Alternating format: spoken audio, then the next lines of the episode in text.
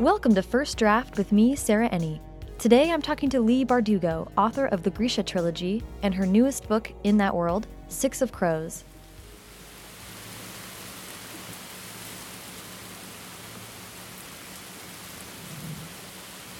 I was able to meet up with Leigh in her beautifully sequestered Los Angeles headquarters for the brief time she had between travels. Leigh's been there and back again in support of the Grisha trilogy, one of my very favorite YA fantasy series set in the magical Russian otherworld. A naturally gifted storyteller, Leigh has also been one of my favorite authors to see at live events, where she tells hilarious stories and frequently breaks into song. So I was pretty excited to sit down and chat. Break out your red lipstick, most gothic accessories, and lounge on your plushest couch to enjoy this conversation.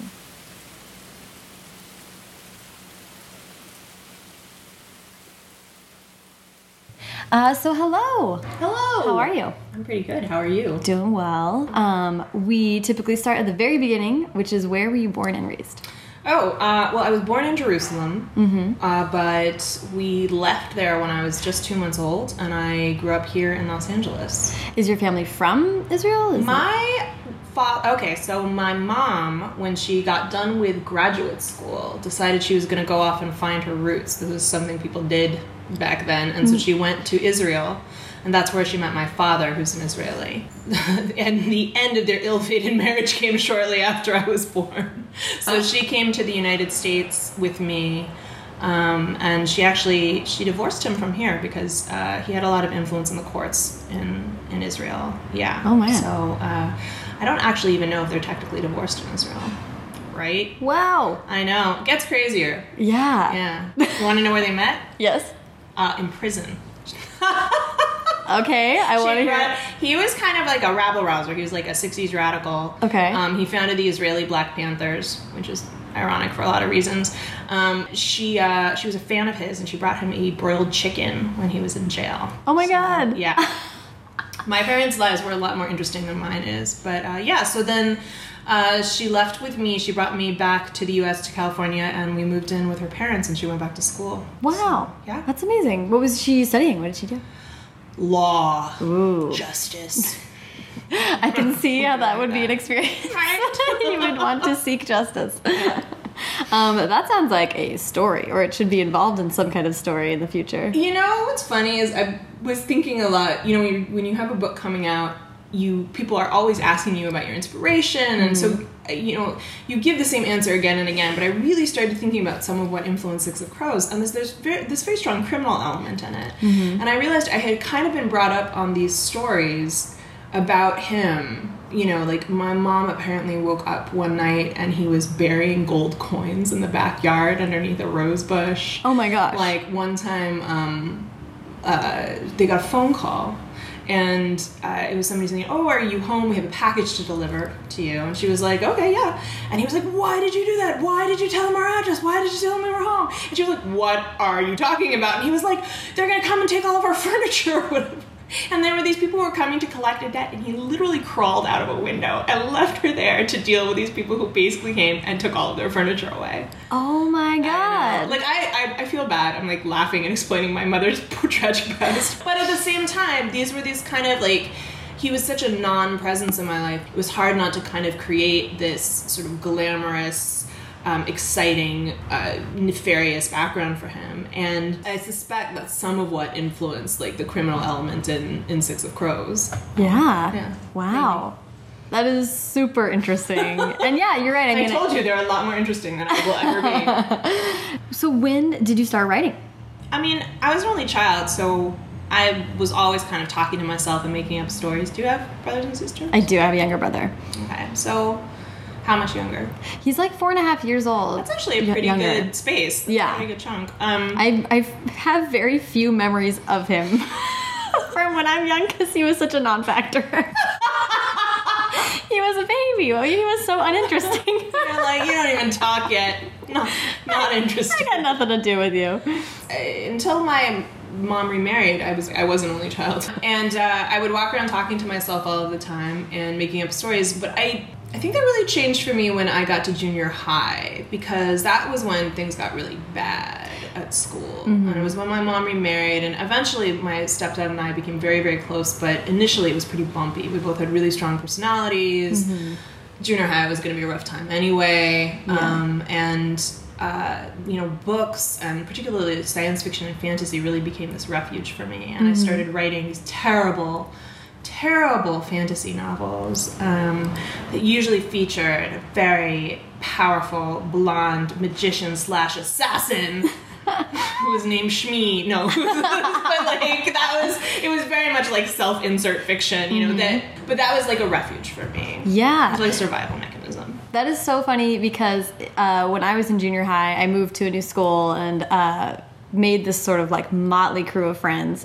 Filled notebooks with stories of us being on spaceships with like oh, that's awesome! thinly veiled versions of ourselves being aliens with third eyes and things like this. Wow, I feel like that was much more clever than what I was basically writing like Tolkien ripoff.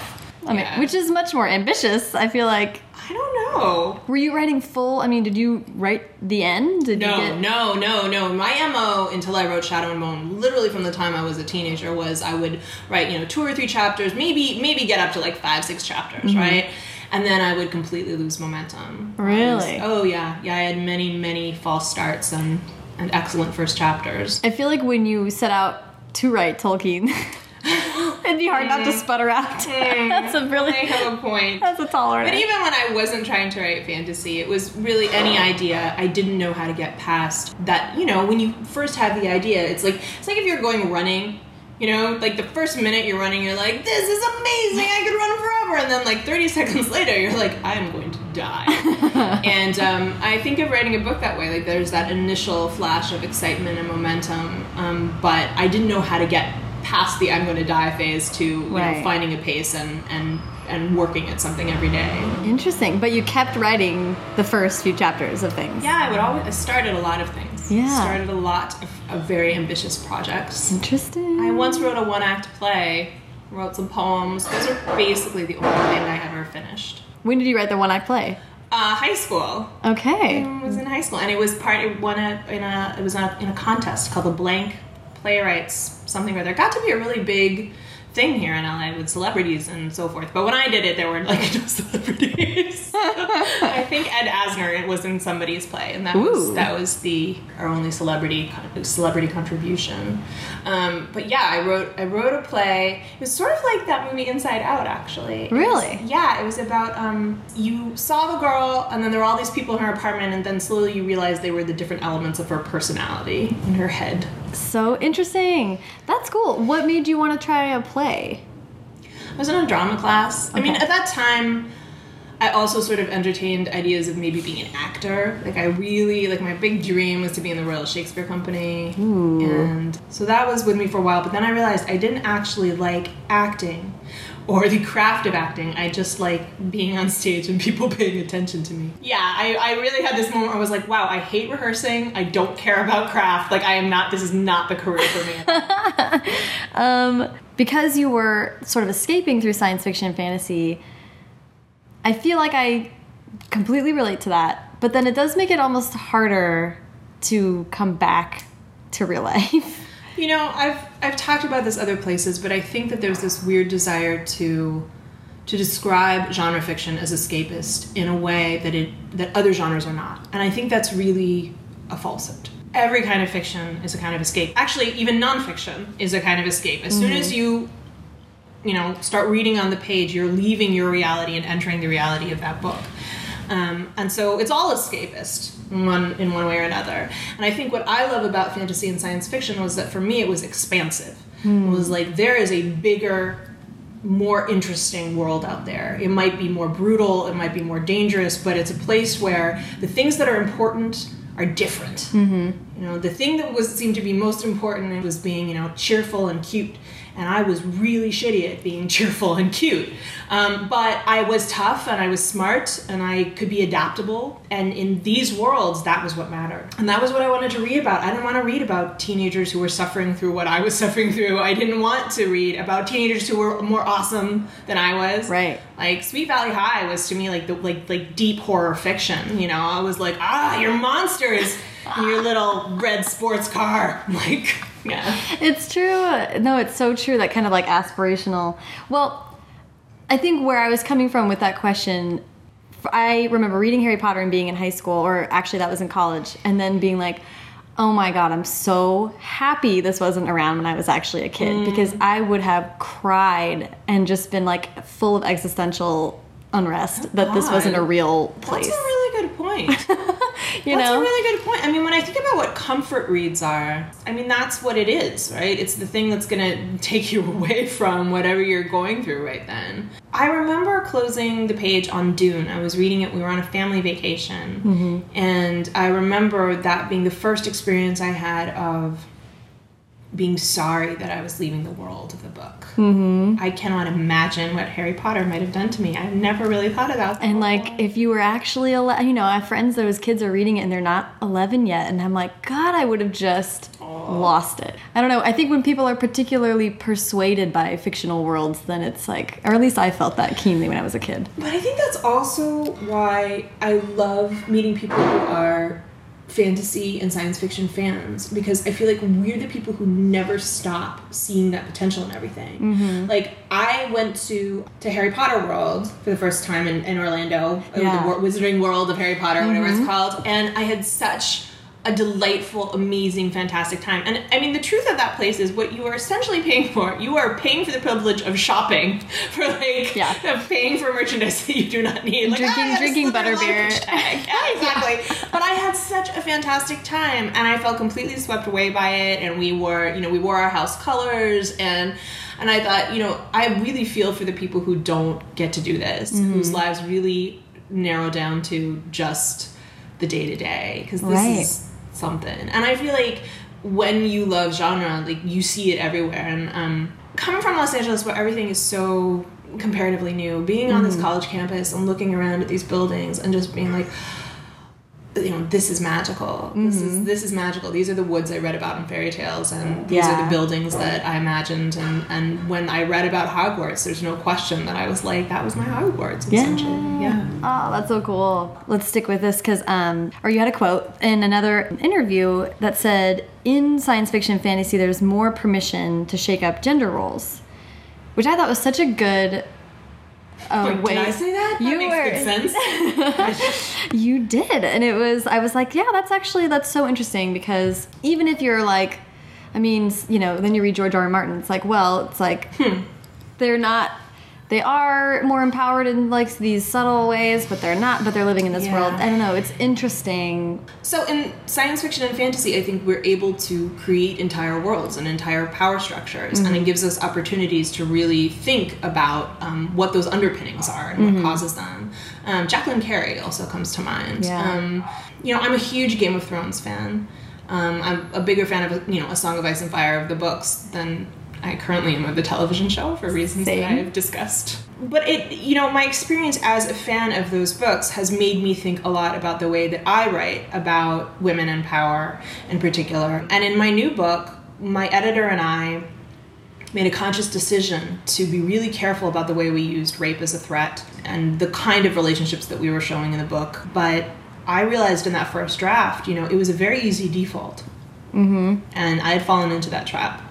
And I say that as somebody who thinks of herself as like a fairly progressive lady. Right. But uh, yeah, it gets ingrained in you. You internalize a lot of this stuff. And it's not that it's not quote unquote realistic, but I can build this world any which way I want. And I really thought about how present, you know, that I think is a threat that we all understand to exist. And so I really thought about how present I wanted it to be on the page. In thinking about my fantasy world, you know, I had a choice. You know, there are same sex relationships in my books. Um, and uh, they're not treated as something that is surprising you know and that was a choice it doesn't actually have to be something that is shocking or unnerving and to me uh, I, it was m- I wanted to normalize that in the text.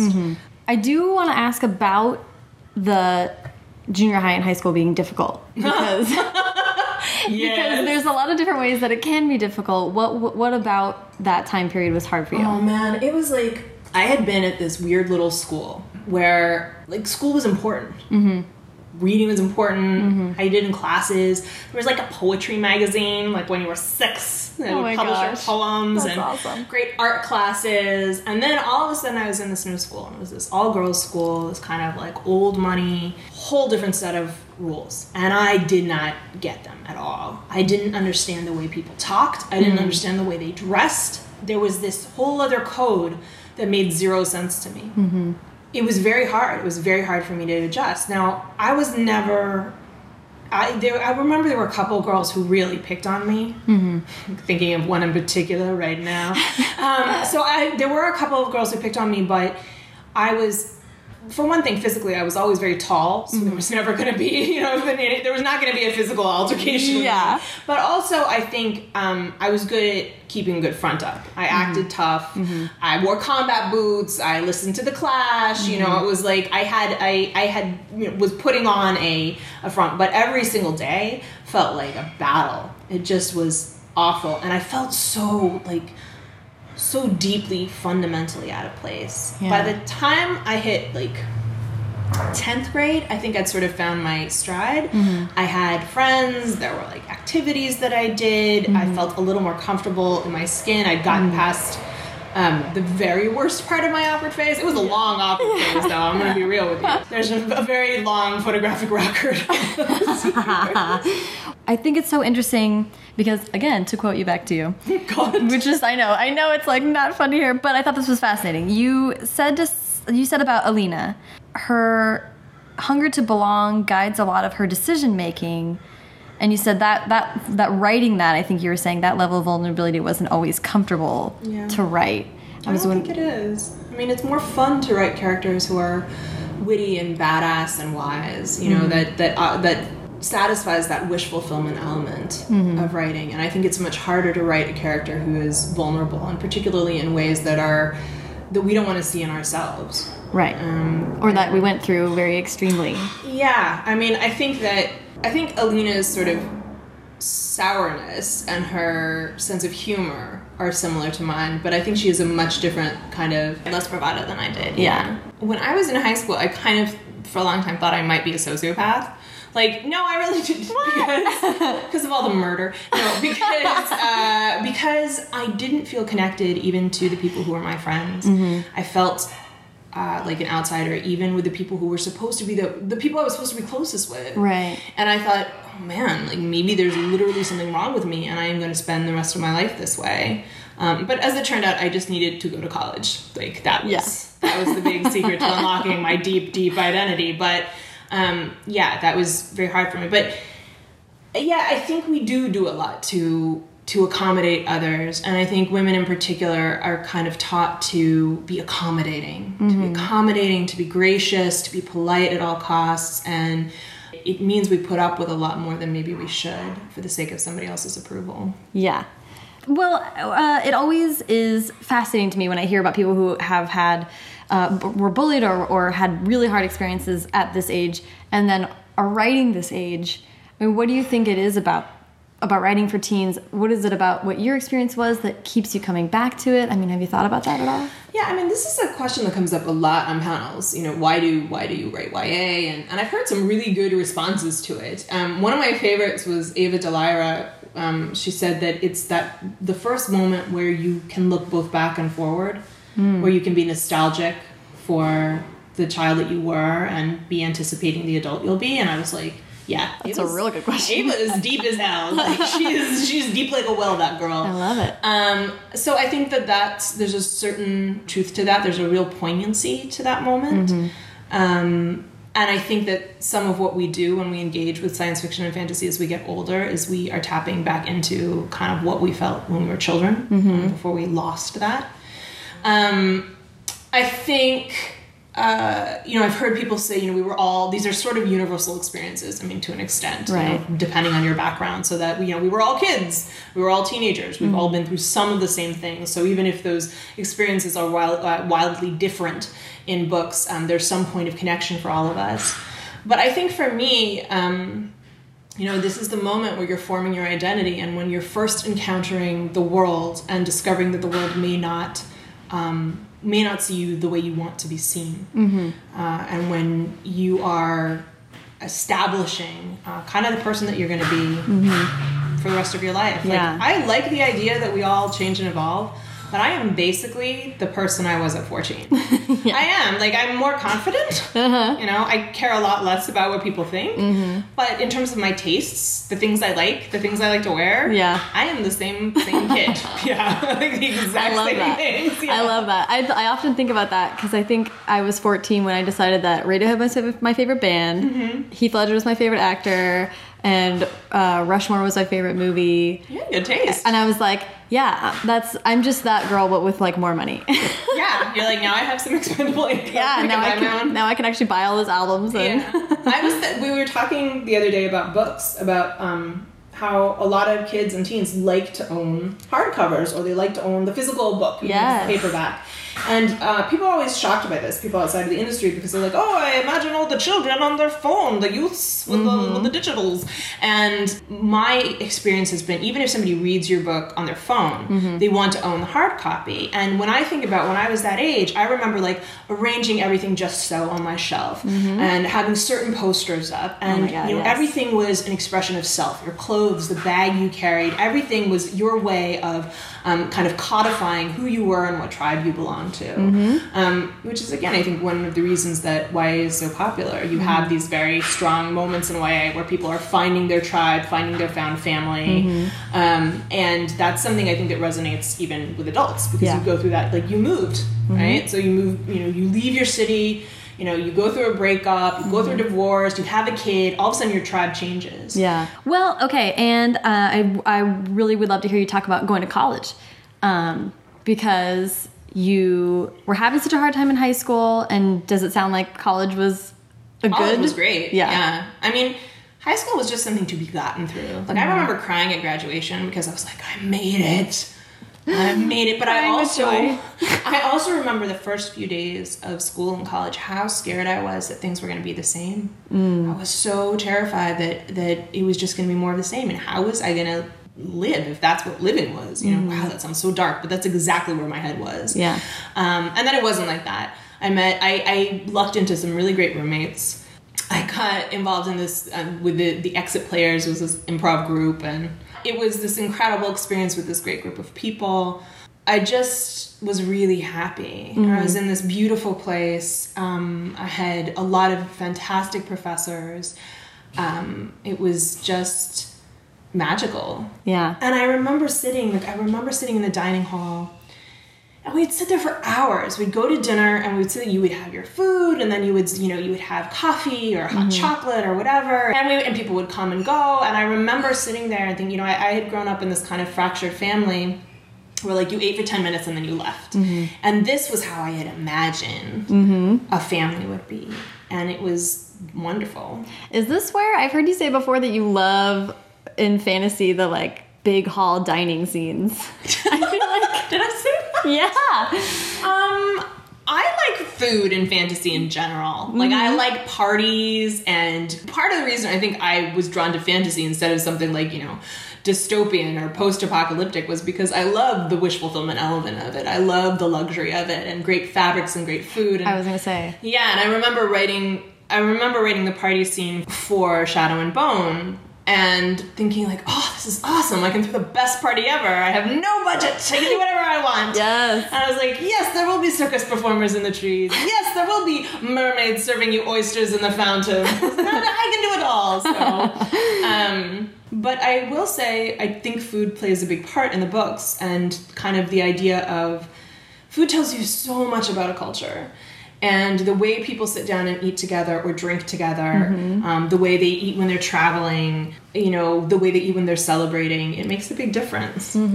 So, are you writing this whole time, all through college and everything, or? Um, I wasn't writing seriously. Like I would write, I would write stories, sort of the beginnings of things. Like I said, um, in the summer, I was still reading a lot of poetry and a lot of lyrics, that kind of stuff. And I took as many creative writing classes as I could.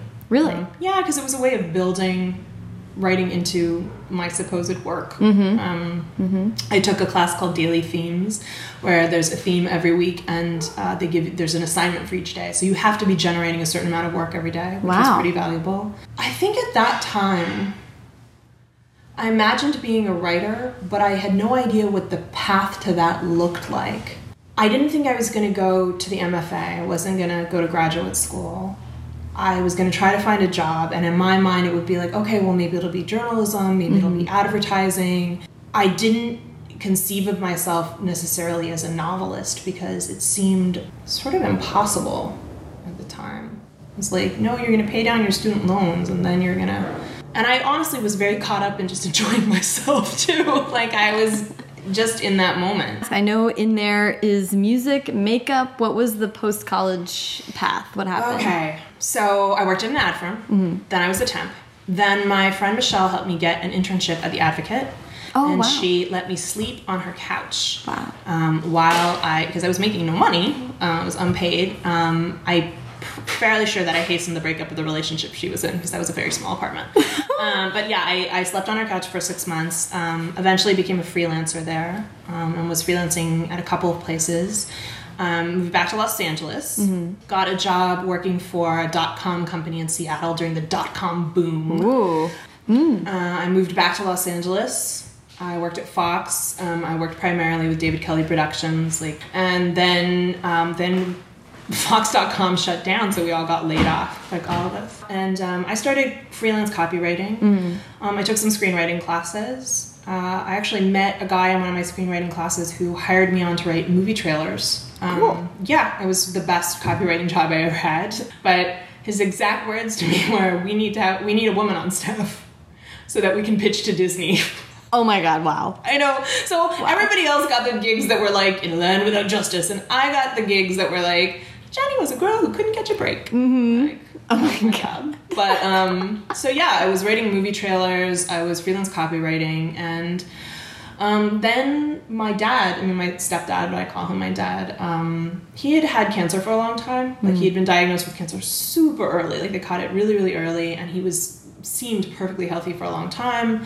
Um, but eventually, like we sort of ran out of medications to try, and he started looking sick, and then he was really sick, and he passed away. And um, despite all of like literally like almost 15 years of buildup we'd had to this, it hit me really, really hard, and I made some very bad life choices around that.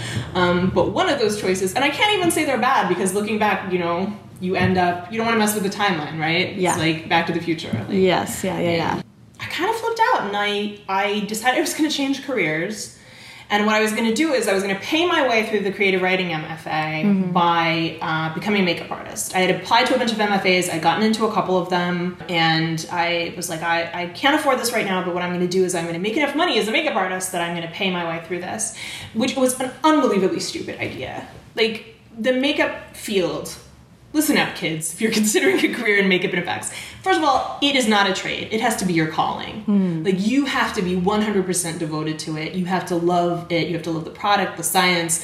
If you're going into uh, into special effects, you have to love the chemistry of it. You have to be a pretty damn good artist. Um, and if you are going into the fashion and beauty side of it, you have to be really passionate about that stuff because you work for nothing. You're on your feet, you know, 10 or 12 hours a day. You're investing a tremendous amount of time. The first year, my first year as a makeup artist was really all about basically doing free shoots and building up a portfolio Right. it's and there's always somebody else there's a lot of um, people out there who are willing to work for free so it's an incredibly competitive field and that said i don't know that i enjoyed it like i still love makeup and costumes but i'm not sure i would have written my book if i hadn't made that move because i was writing all day writing copy and then i did not feel like writing my own work after that Yes. it's like Yeah, that yeah, yeah. muscle is getting flexed again and again and again, and it's tired Yes. at the end of the day. And you're just on at a s- your screen time is just exactly 24 you're done. day. You're like, I want to watch television. I want to go to bed. Yeah. But with makeup, I was meeting a lot of different people every day, and I had these very finite challenges. Put the makeup on, you wipe it off at the end of the day, you're done. Right. Um, it's not like the work of a draft. There's a little bit at a time, a little bit at a time. And it was like that other part of my brain got to sort of rest and go off where it needed to be. So I would be, you know, working on some model or actor and listening to what they're saying with one ear. People love to talk in the chair. You know this. Like, Yeah. when you get your hair, your makeup done, you find yourself saying things, confiding things. Like, I have heard stories. It's like you put somebody in that chair, you start like playing with their hair, putting their makeup on, and all of a sudden they start talking. Um, Love that. It's a weird kind of magic. Yeah, so I, I think that I would come home from these long, long days, and as exhausted as I was, I was ready to write. Mm-hmm. It made it much more easy for me to focus on that story. And I think also, you know, we were talking about escaping, and I think Mm-hmm. to a certain extent, I was really not happy in my work. I was in a really bad marriage, and this was a way of sort of re-engaging with this part of myself that I used to value so much. Mm-hmm. Like I loved writing. This was what I always loved. This was what I always wanted, and I had over the years I had kind of talked myself into believing that uh, this wasn't something that could be meaningful to me anymore. Right. Well, that's incredible. Um, it's like in, it's insanely brave to have tried any of that, writing a book and makeup, Yeah. either or, and then doing it at the same time. I That's am a hero. incredible. It's true. It's true. um, and I also started writing after my dad died, so I feel like this is it's you have to just like survive and Grief writing. is such a bastard, right? Yeah. You don't know how it's going to come at you. no, and you and it comes at you at weird times like you think you're through it and you think you're okay and then like i'm getting teary now but like you know you think you're all right and then you'll be like in the parking lot of a panda express sobbing you're like what yeah, I know, same. i know like- we're both like okay and it still happens. It still happens all the time. But I remember, I remember very consciously saying, I just can't think about this wor- like world anymore. Yeah. like I have to do something Exactly. else. Exactly. And because I ended up writing like this Outlander slash. uh I mean, insane genre Oh about time travel, and Ralph Fiennes was the hero, and Oh, it was oh, like in my mind. Yes, it In was. my mind. It was not difficult to spend a year there. So yeah, so I, I was like, that makes so much sense to me. Just yeah you're kind of uh, I, i'm so wary of talking about writing as some kind of therapy because i don't i think therapy is therapy Right. and you cannot work your issues out on the page that said i think you know dealing with your grief in this productive way can actually be kind of a wonderful thing Yeah. Oh, the the uh, makeup to me was so fascinating because we we already talked about how like fantasy and these other, building these other worlds is very like visceral, like tactile, and, and the visuals are so important for it. To what extent, when you're talking about makeup, are you realizing someone else's vision? To what extent is it you your creative process? To me, it seemed like this other way to kind of ignite your an imagination. You know, I, I had a very faulty idea of what being a makeup artist was. Most of being a makeup artist is making somebody look quote unquote natural mm-hmm. or doing a smoky eye. now probably a cat eye. Like that's that was I would say like ninety percent of what I did. The bulk of the interesting stuff I did, mm-hmm. um, and I still have some of my work up online. But the bulk of that work was stuff I did for free because I found photographers I wanted to work with, or models I wanted to work with, mm-hmm. or somebody had an idea for something that I thought would be cool, mm-hmm. and that was the way that that I sort of stayed excited about what I was doing. Right. because the other stuff was pretty redundant and, and pretty boring. And you you really are executing somebody else's vision it's when you're doing something collaborative that it gets more exciting and i think my favorite image i ever made was um, it's this it's a mermaid sitting in a tub and it was this model Jill Evans who was so lovely to work with. Um, you you learn a lot about people, especially if you're doing body painting or anything like that. You are spending a lot of time with that human being. So I worked with her a bunch of times. Yeah, it, because it looks so real to me. It looks like she really she looks like the thing. And I think that's the trick, you know, that's the trick of writing. It's the same as the trick of makeup, where you are trying to to create this illusion that is so realistic that nobody's going to question it. Right. And you're trying to find the places where the seams show so that you can cover them up. Yes. Mm-hmm. Like in any artistic endeavor, it's this ephemeral idea that you have and then just trying like hell to Yeah. get that across Yeah. so that other people can see it and experiencing experience it. I really I love to watch um Face Off and Project Runway. Mm-hmm. Um, and you know those days when somebody's having a bad day on the show and they're like, I nothing is working. And I it actually like makes my heart race because I was so new to makeup that every time I went to set, I was nervous. You know, I was afraid I was gonna get it wrong or not be able to deliver.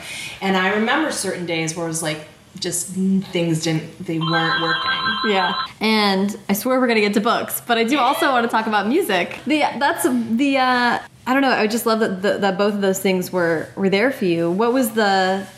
Do you play an instrument, or were, was music voice? Was it? I sang in a band. Uh, I sang in choir when I was younger, um, but I still cannot. Oh, this is embarrassing to admit. I still can't read music. Really? Yeah, and I was in like I was in a madrigals group, and you know I taught myself enough sightseeing singing to get through the audition, but it was always a struggle to learn the music for that. And I'm you know I'm an alto, so invariably I was not singing the melody. Um, but I was never a great musician.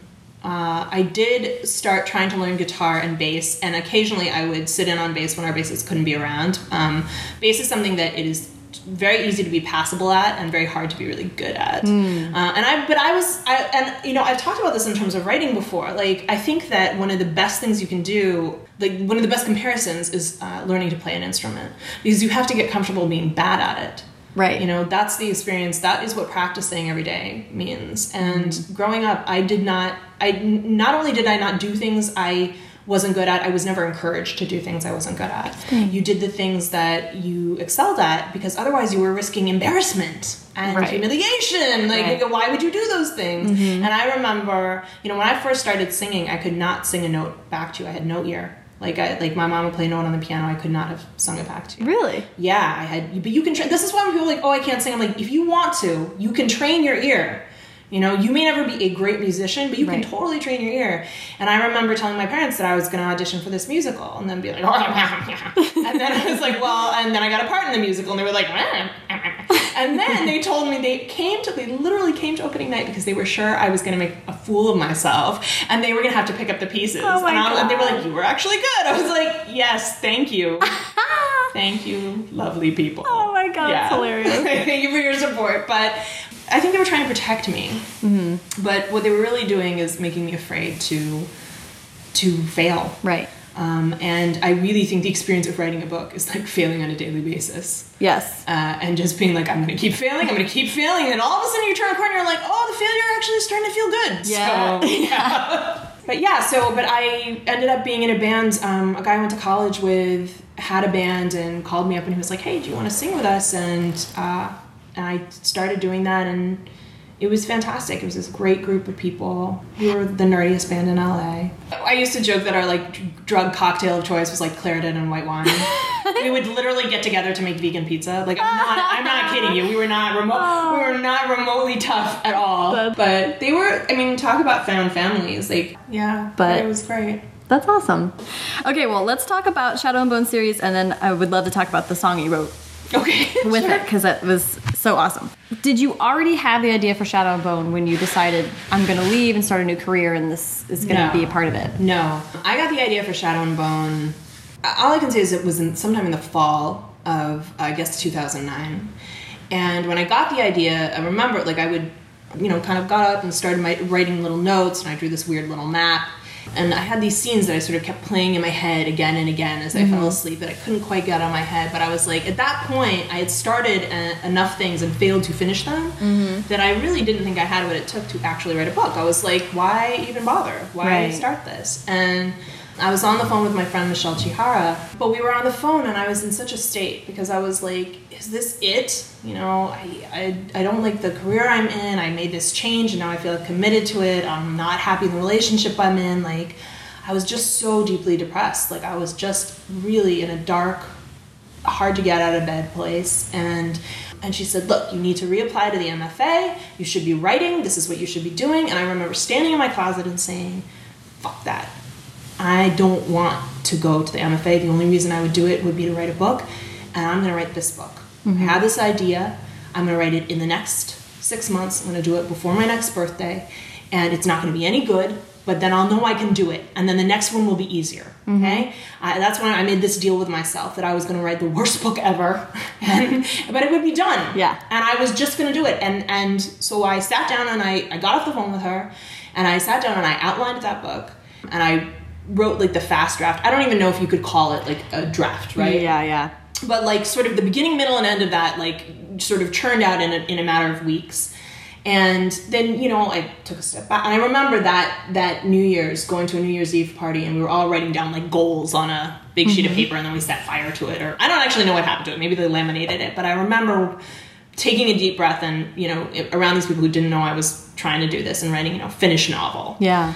And that was sort of the process. And then you know i was working at the same time and Mm-hmm. and i would set it aside and sort of be lazy about it or be afraid of it. And uh, i took a couple of months to research and and just do that part of the book but i limited that time because i knew i could fall down the research hole. Oh, yeah. Um, and i remember sort of stepping back from it at some point and realizing that there was something here that i actually really liked and that I had outsmarted that critical voice in my head. Uh, and before, whenever that voice would start talking and saying, you know, everything you're writing is crap. This is terrible. Stop now. I would try to argue with it. I'd be like, no, it's not. And the truth was, it was crap. Right. That's what first drafts are.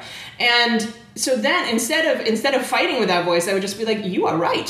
This is crap. Luckily, no one will ever see it. Yeah. I just tricked myself into writing that draft, and um, I remember being so excited, like this like stack of pages. Yes. Printing it out. Yes! That's a good moment. Oh, that's such a good moment. the printer's like going, going. You're like, look at all Look this paper. pages are. Oh, I had this one moment. I went to a Kinko's, which is so stupid because it'll like, cost you forty dollars just buy a printer. Um, but I was like sitting there and it was all printing out and it was like thick paper and it just looked gorgeous. And the guy at the Kinko's was like, "Is this a book?" And I was like, "It's trying to be." And he laughed for like five minutes, and I was like, "It was not funny." you know, and I remember sort of getting it to a point where I was like, I am ready to show this. And while they were reading, I started researching agents. So it's not necessarily that you had the concept and the idea and were like, this is the one. No. It was that you outsmarted yourself. No, I had an idea and I thought it could be, and I really wanted to write it. You know, there were like two or three scenes that, like I said, wouldn't let me sleep, and that ended up in the book. You know, those are still there, basically the the way I originally envisioned them, and sort of these ideas about the country and about the way power would work in the world. But um, it kind of all came together in the process of writing it, and uh, it was not like a lightning bolt idea at all. I kind of think that's like more inspiring to hear about. So I love I love that because that is yeah i mean i tell i have a story that i tell about like you know my fear of the dark and this kind of moment that i had this house in the mountains and that's all true but it's not the truth of the way a book gets written yeah. You ha- and you have to find new ways to love it all the time. yeah you've got to find a way to stay in love mm-hmm. i always describe it as you know I, I think a lot because we get this question all of the time the number one question you get is where do you get your ideas 'Cause i think people want to believe there's like a magical idea factory out there and I was really thinking about our obsession with this. And I love those stories too. I like hearing where people got their ideas. So I I, can't even be like, oh, you don't understand. I'm like, I am a writer, and yet I still enjoy hearing about those moments of inspiration. And, and I always compare it to, you know, when you meet a couple, like a really great couple, the question you ask is, oh, where did you guys meet? Mm-hmm. And the real question that you don't, don't ask unless you're a complete schmuck is um, not how you how did you meet? It's, you know, how did you stay together? Yeah. And that to me is really the story of writing a book. That is such an interesting point. Thank you. Yeah. No, I love that. Wouldn't that be great to ask a couple like, when did you have that moment where you were like, I'm in or I'm out? That would be great, but you would probably never be invited back to their house. Absolutely not. Ever again. No, that's a terrible thing to ask. That lady Sarah? Yeah. yeah. There was um, Aziz Ansari's book, A Modern Romance, um, was like a super interesting read. And at some point, he was saying like, I had this great girlfriend, and it was terrifying for. I thought it was so great because it was so honest. He was like, it's it was so terrifying for me to say, all right, she's great, but like, really, am I ready to do this or not? And he talked about how it was like he felt different in LA and New York. I mean, it was this whole. I was just like, that is it because you can choose. You, But you know what I mean? rarely do. Right. They never ask themselves that because they don't want the discomfort of loss. There's this somehow this idea that you can have it all. Re- or just feeling like you didn't have the choice means you can't regret it. Mm. Mm. Deep. I like it. Oh boy, Yeah. I'm gonna think about that one. Um, well, what something I thought was so interesting is you've talked a lot about how you are a big outliner. Um, but was that something that came about when you sort of changed your writing process? I mean, Yeah, that, I mean that's the way I was able to write Shadow and Bone, and it mm-hmm. was actually just applying screenwriting structure to which I don't know why it took me so long to think that that might be a good idea. right, But of course, it was a good idea. Right, right, And right. People make a whole business out of it being a good idea. But I had taken these screenwriting classes before, and I knew what a three act structure was, and it was like, Mm-hmm. all right, this is how I'm going to approach this story. And I don't think that you have to be religious about structure. I love talking story structure because for me, it's a way of um, stepping back from something that works or doesn't work and a way to really think about why it's working or isn't working. And it's a way for somebody who's really bogged down in a story to help them find a way out of it. But for me, structure is like a way of giving myself a safety net. Um, it helps me to build the story and try to think about where I want to take it and where I want to end up. And I really like, you know, I like to say I always have a whole book in front of me. It may be one page, but it's the whole book. And then that just gets longer and longer and longer. I have a friend, delightful friend, an incredibly talented writer, but she hates whenever I start talking about structure. She thinks that it's the way stories become formulaic and Right. it's the way that and i'm like but your stories end up there anyway there are certain things there are certain things that the human mind demands of narrative and it doesn't matter what experimental stuff you're doing you are still looking for those cues and i don't know why that is and maybe if you hooked nodes up to readers' brains while they were reading, you could figure out why that might be. But Yes. you know, that's the moment in the movie when the second, you know, when the adventure has not begun and you start to get restless in your seat. You know, Yes. like like that for whatever reason. It's not just that we're conditioned to expect that. There's some kind of expectation that goes along with narrative, um, and I'm really into that yeah, a lot of people have an innate sense of story. Mm-hmm. They know where they know in their gut where those beats are supposed to be. Yeah. And you know, most writers do have some innate sense of story. And when they when we think about structure, it's just a way of sort of um, you know solidifying those moments, crystallizing those moments Yeah. for us. I, I and I do have friends who who are outlining to them would be death. You know, they write every morning, they don't know where the story is going to go, and they're fantastic writers. Mm-hmm. So I think, you know, this is something I say to people all the time. I'm like, yes, this is the way I do it. But the biggest trick of I think of becoming a writer and hopefully eventually becoming a published author is finding the process that works for you. It is Right. probably not wholly one thing or wholly another, and there is no process that is going to spare you the pain of getting through a draft. There's absolutely none. Like there's, Yeah. I think people are so into um, all of these tips and tricks and so forth and so on because there's some kind of idea that you're going to be able to dodge the intense existential angst of being a writer, and you can't. Yeah. you cannot do it. yeah. So um, I want to talk. I want to get to Six of Crows and focus mostly on that. So we're going to talk a few Sure. questions about Shadow and Bone.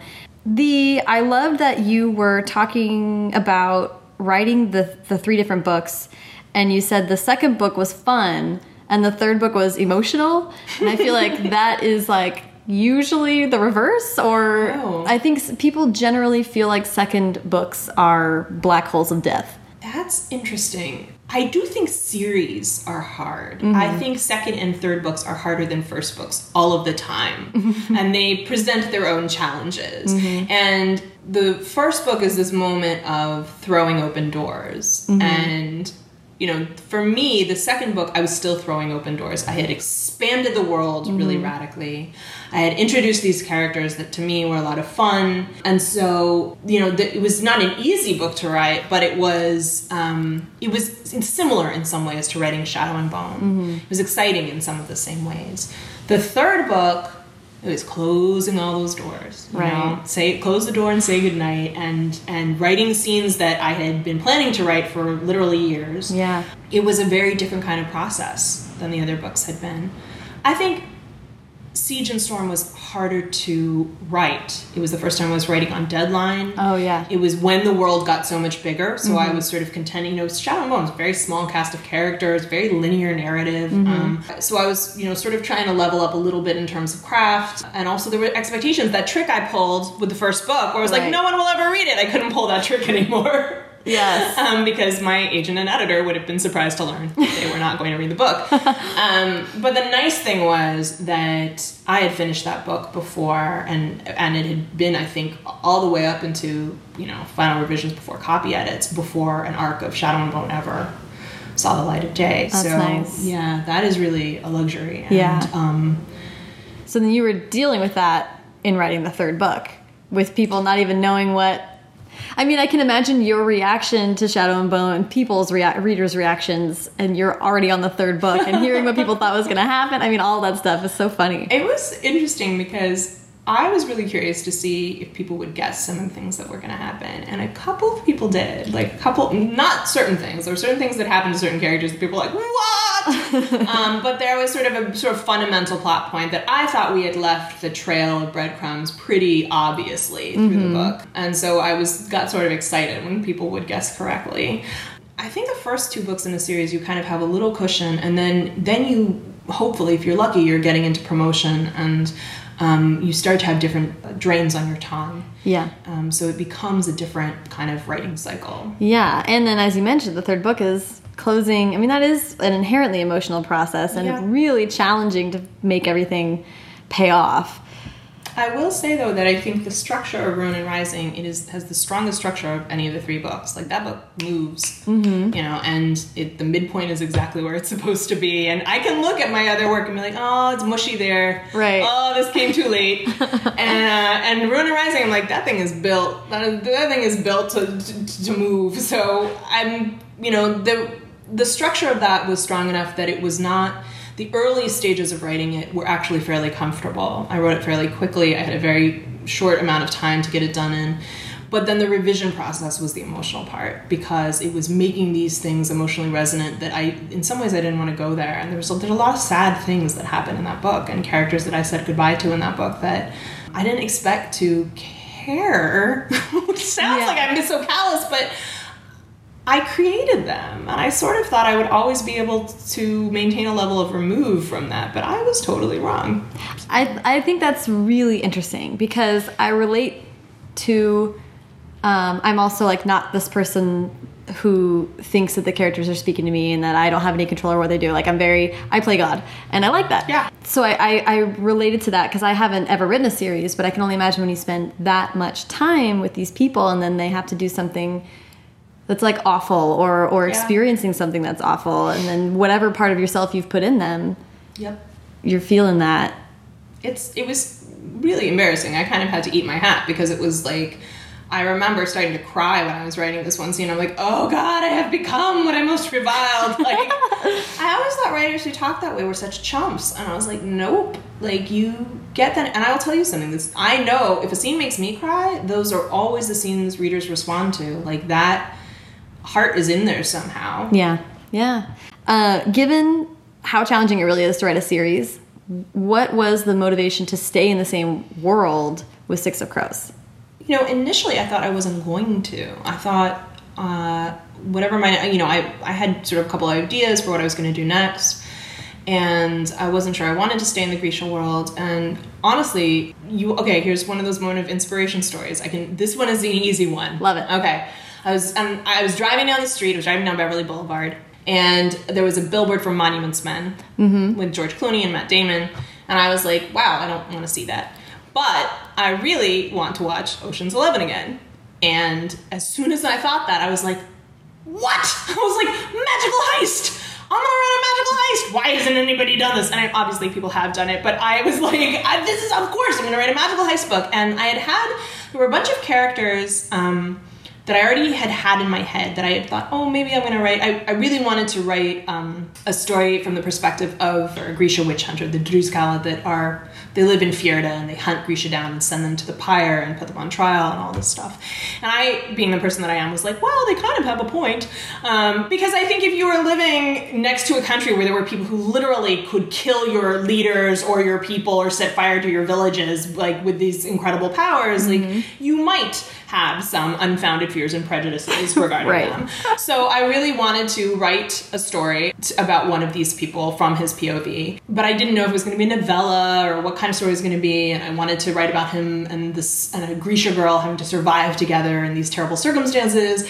And uh, and then I had this other character who in my head was always called Dirty Hands, who was the guy you came to when when when you needed something done, like something horrible done, Mm-hmm, and the guy you never you he was your last resort, and he was the guy you never wanted to be in debt to, and he was the guy you never wanted to hear knocking at your door. Yeah. So, I, but I was like, I didn't know quite where they fit.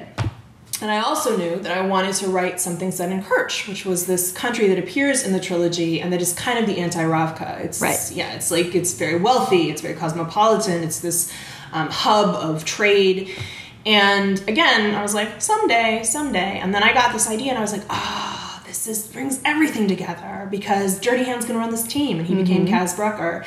And um, of course, I'm going to pull together the Grisha and the Grisha Hunter, who now have to work together on the team. And, and I was like, of course, I'm going to set it in Ketterdam, the capital of Kerch, because it's it's this thriving criminal underworld, it's the hub of all illegal trade. So that was one of those moments where everything came together in this really clean organic way and i was like yes i can i can put this in this grisha world um, and i found a way you know there's basically i don't think it's spoiling anything to say that there's a drug in this story that basically changes the way that grisha power is used. Like it it it it opens up it makes things possible that shouldn't be possible with grisha power. And that was a way both of raising the stakes in the world but also for me keeping it interesting. Because once you create a magical system you kind of only get a few wiggle woggles on on what you're allowed to how you're allowed to mm-hmm. break from that so it just fit Yeah. and i love was that. like and if it had if that idea hadn't come then i wouldn't have done it i would have written something else Did I mean there obviously must have been part of sticking around the Grisha world that you really loved. yeah You have built a lot of this world. Your world building, like you casually make references. I've heard you on several panels, and you'll casually make references to other things that you know live in the world, and I'm like, you you know this place. At this point, yeah, I Yeah. do. I know the world really well. I know the mythologies and religions of the countries very well. You know, the great pleasure I think for me though was getting to sort of go to these places that had only lived in the back of my mind. And for whatever reason, you know, Fjerda and Kerch for me were always places I wanted to go, to travel to, and they had always existed for me um, on this map. And I think I'm also a bit braver about world building now. I let myself have more fun with it, and I definitely did with Ketterdam and with the gangs that kind of rule the underworld there. And with there's this, um, you know, there's this pleasure district called the Barrel in this city, and people come from all over the world to, you know, partake of the pleasures there. And I had so much fun creating this place, and It's the party. It's an expanded. it's the party. It's an expanded, slightly more steamy version of the party, but that's absolutely true. And I really enjoyed it. And Ketterdam is this kind of mix of the Dutch Republic of the 1700s and Las Vegas and old New York or New Amsterdam or whatever you want to call it, and and current Amsterdam. And it was um, it was really fun. I would love to hear about this because I'm actually writing a heist book. So I'm like, Oh my god! The- talk about I'm structure. so sorry. I know. I am so sorry. So actually, my question is: you had a lot of great. Um, you've talked a lot in interviews about creating rules for your magic, so it feels like magic. Yeah. Because you have to have, you have to have rules, or it's not, or it's just uh, everything is flim flam. so you have these rules that you're imposing on your world, and then you have to. A heist book is a highly structured mousetrap machine. Holy crap! How did you deal with? Ha- I mean, that's a lot of structures on top of structures on. Top. You're, you're that's a sort of Russian nesting doll of, of plot um, requirements. Look, to be frank, I think writing a heist is the hardest thing that I have ever done because the expectations that we bring to a heist come from film and television. Yes. But you can't pay those expectations off in the same way on the page. And that did not occur to me when I was having this great, organic, beautiful moment of, oh my goodness, I'm going to write this wonderful, magical heist book. Yeah. It did not occur to me how hard that was going to be. And I mm-hmm. had many moments when I was writing Six of Crows where I thought, that is, this is a great idea, and somebody smarter should write this book. I am ah. not clever enough to do this. Ah. Um, I mean, I think that I think that the the magic in my world is pretty stable. Um, I added this new element to it, which was this drug. And the hardest thing about that was I, I wanted Six of Crows to be readable for people who had never read the trilogy. But I had created this challenge for myself where I had to sort of set the baseline rules of the magic so that you could see how powerful this drug was. Right. And for me, actually thinking about it as the way you would shoot it for film or television was the easiest way to do that. I think whenever you start to find yourself getting into like info dump or world building Yeah. situations, think about the way they would shoot the scene. How can you make something visual as opposed to telling us? What's the Mm-hmm. most dramatic way you could show somebody using a power or a skill or Right. you know a, a magical text or whatever it's going to be? Yeah. Um, so that is sort of one kind of structural and craft thing that was happening. The heist was, you know, I always describe writing a heist, particularly the first and second drafts of a heist, as like you're trying to do a jigsaw puzzle and you've never seen the front of the box. Like you have no idea.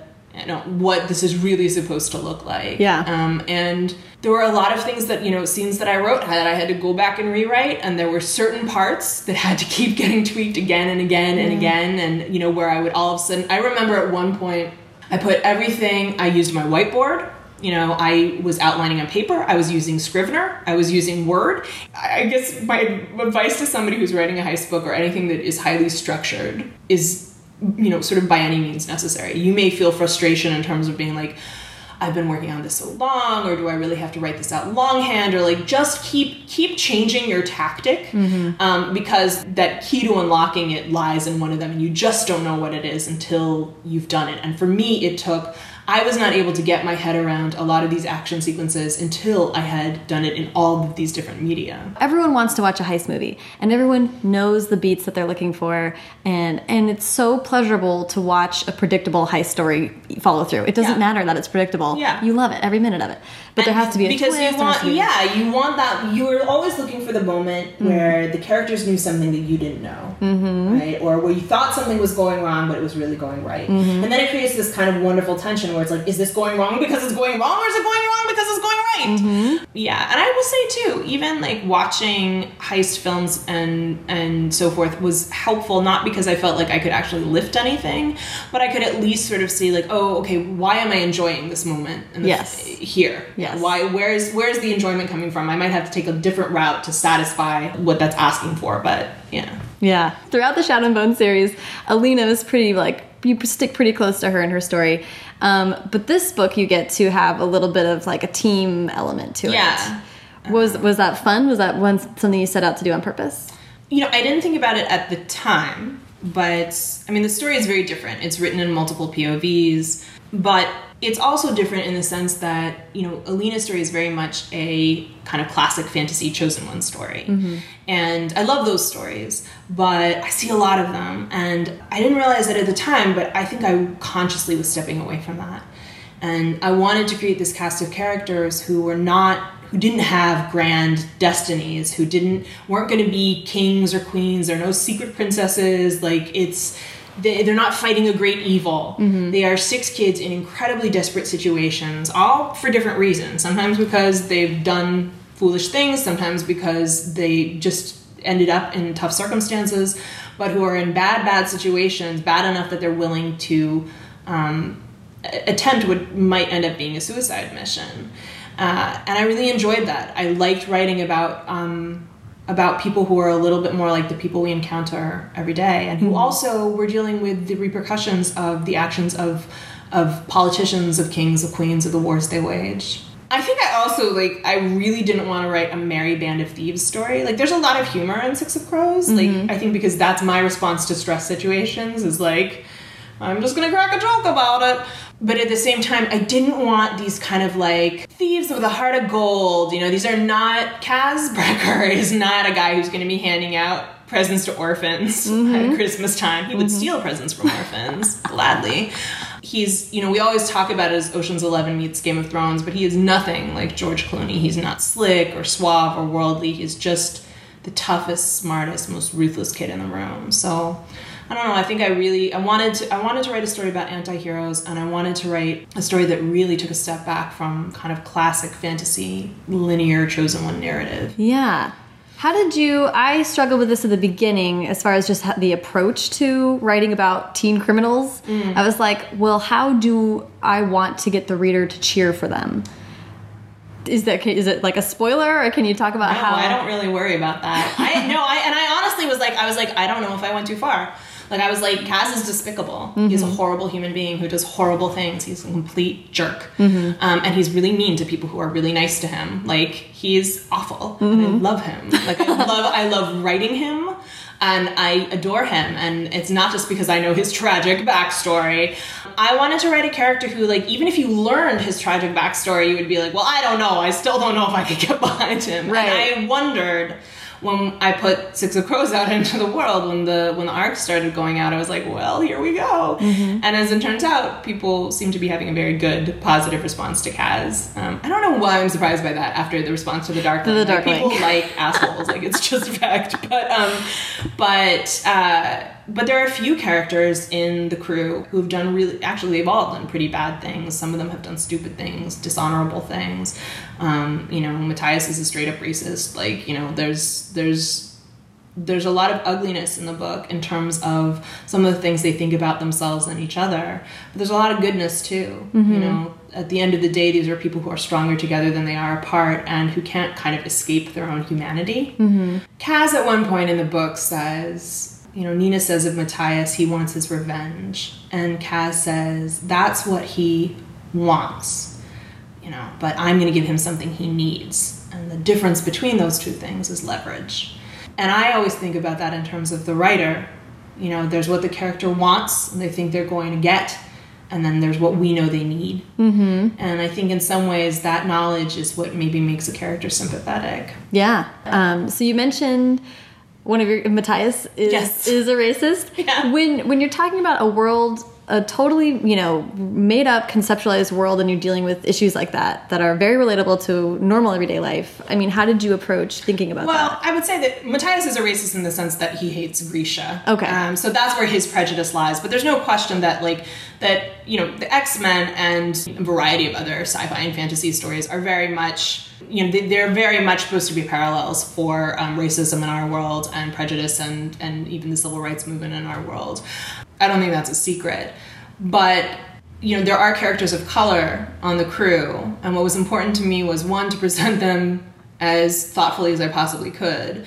But race is something different in my world, and people have different reactions to it. At the same time, um, there's a girl Inej who was kidnapped and essentially sold into slavery at a brothel, um, in part because of the way she looks, because she's representative of a particular race. I spent a lot of time on a bunch of different blogs, on Tumblr's and N.K. Jemisin's blog, and writing with color to try to not be an asshole about what I was talking about. And Right. I don't know if I succeeded, but um, you know, I think that we can deal with race differently in our worlds, and we just kind of have to make a choice about that. Mm-hmm. So So for advice, I would love to hear, of course, what you would tell the beginning writers. But I'd love to hear what advice you would give to people diving into a, a series, people who are maybe spending a lot of time in one world. I mean, my advice for new writers is the advice they're going to get everywhere, but I will give it. I will give it anyway. Um, number one, finish the draft. Write the messy, terrible first draft. You can go back and make it pretty. You can't outsmart it. You can't outthink it. I don't care how many maps you draw and how much planning you do. You have to you have to discover the story through the draft. So use it to tell yourself the story. Read outside of your comfort zone. If you love fantasy and you're writing fantasy, make yourself read literary fiction, nonfiction, poetry. I'm not saying you have to do it all the time, but it will change the way that you use language and you learn lessons about narrative from stories that that don't have any structural relationship to to what you're doing. And I mean, the big piece of advice I always give, I feel like I always get the question, you know, what do you say to young writers? And I'm like, to young writers, I say, the world is before you. Everybody wants to hear what you have to say. So my advice really goes not just to young writers, but to all writers, which is, um, you know, there's no expiration date on your talent. One of the beautiful things about publishing, as opposed to Hollywood, is that it does not matter what you look like or how old you are. Um, if you have a story to tell and you find a way to tell it, people will want to hear it. Yeah, I love that. And what about people who are embarking on? people who are embarking on a series um, i mean if you're just it depends sort of what stage you're at if you're if you're somebody who is going to be um, pitching agents i would say don't worry about the series focus on that first book and pitch it as a first book with series potential, um, but focus on that. And do not start writing the second book or the third book until you have sold the first book. Do not try to sell three books at a time. I think I've made my point. Um, but uh, if you're in it, all I can say is, you know, Godspeed, my friends. my only advice for working on a series is to find ways to keep yourself um, engaged and entertained. You know, for me, that there was a character I introduced in my second book who I swear, I swear, Sarah just made a funny face. I wonder if I'm he's my favorite. Um, but I think he kept me company. Um, there's a lot of dark things in the Grisha trilogy, and he had a kind of optimism and confidence that made writing fun, uh, despite some of the heavy things that were happening on the page. And uh, like I said, when I started working on Six of Crows, I really wanted to level up the magic system so that I could keep it engaging for myself. Again, you know, the you should take pleasure in the stories that you write. In theory, you're writing what you want to read. Um, so uh, do what you can to keep it exciting for yourself is probably my best tip. Um, and remember that, okay, this is what I want you guys to know. Something that helped me a lot, and some one of the best things about becoming a published author is getting to meet some of the people that I really admire. And they all struggled. They all struggled with their second books and their third books. And when they were in the second book, they thought no book could be harder than the second book. And when they were in the third book, they thought, oh my God, I wish I was back writing the second book. like some of the best writers out there, I swear, I, ha- I have had that conversation with them and it made me feel so much better. So mm-hmm. just know you are not alone. you are not alone. I feel like it's the stated purpose of this podcast to be like for everyone who can't leave their house and go That's talk to all of these people. The struggle is real, but we are we are united in it. Well, dude, this was so fun. Thank you fun. so much. My pleasure. Thank you so much for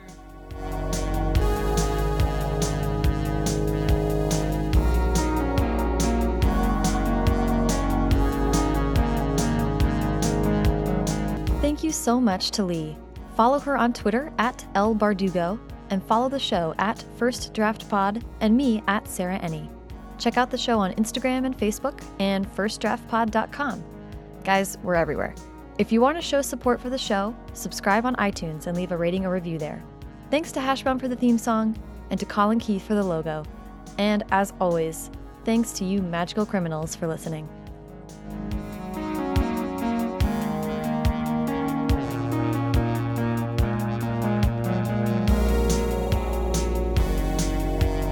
And we had this horrible boss. I hope he's listening right now. he's the guy I imagine walking into the bookstore and seeing my name and being like, Curses! Bardugo!"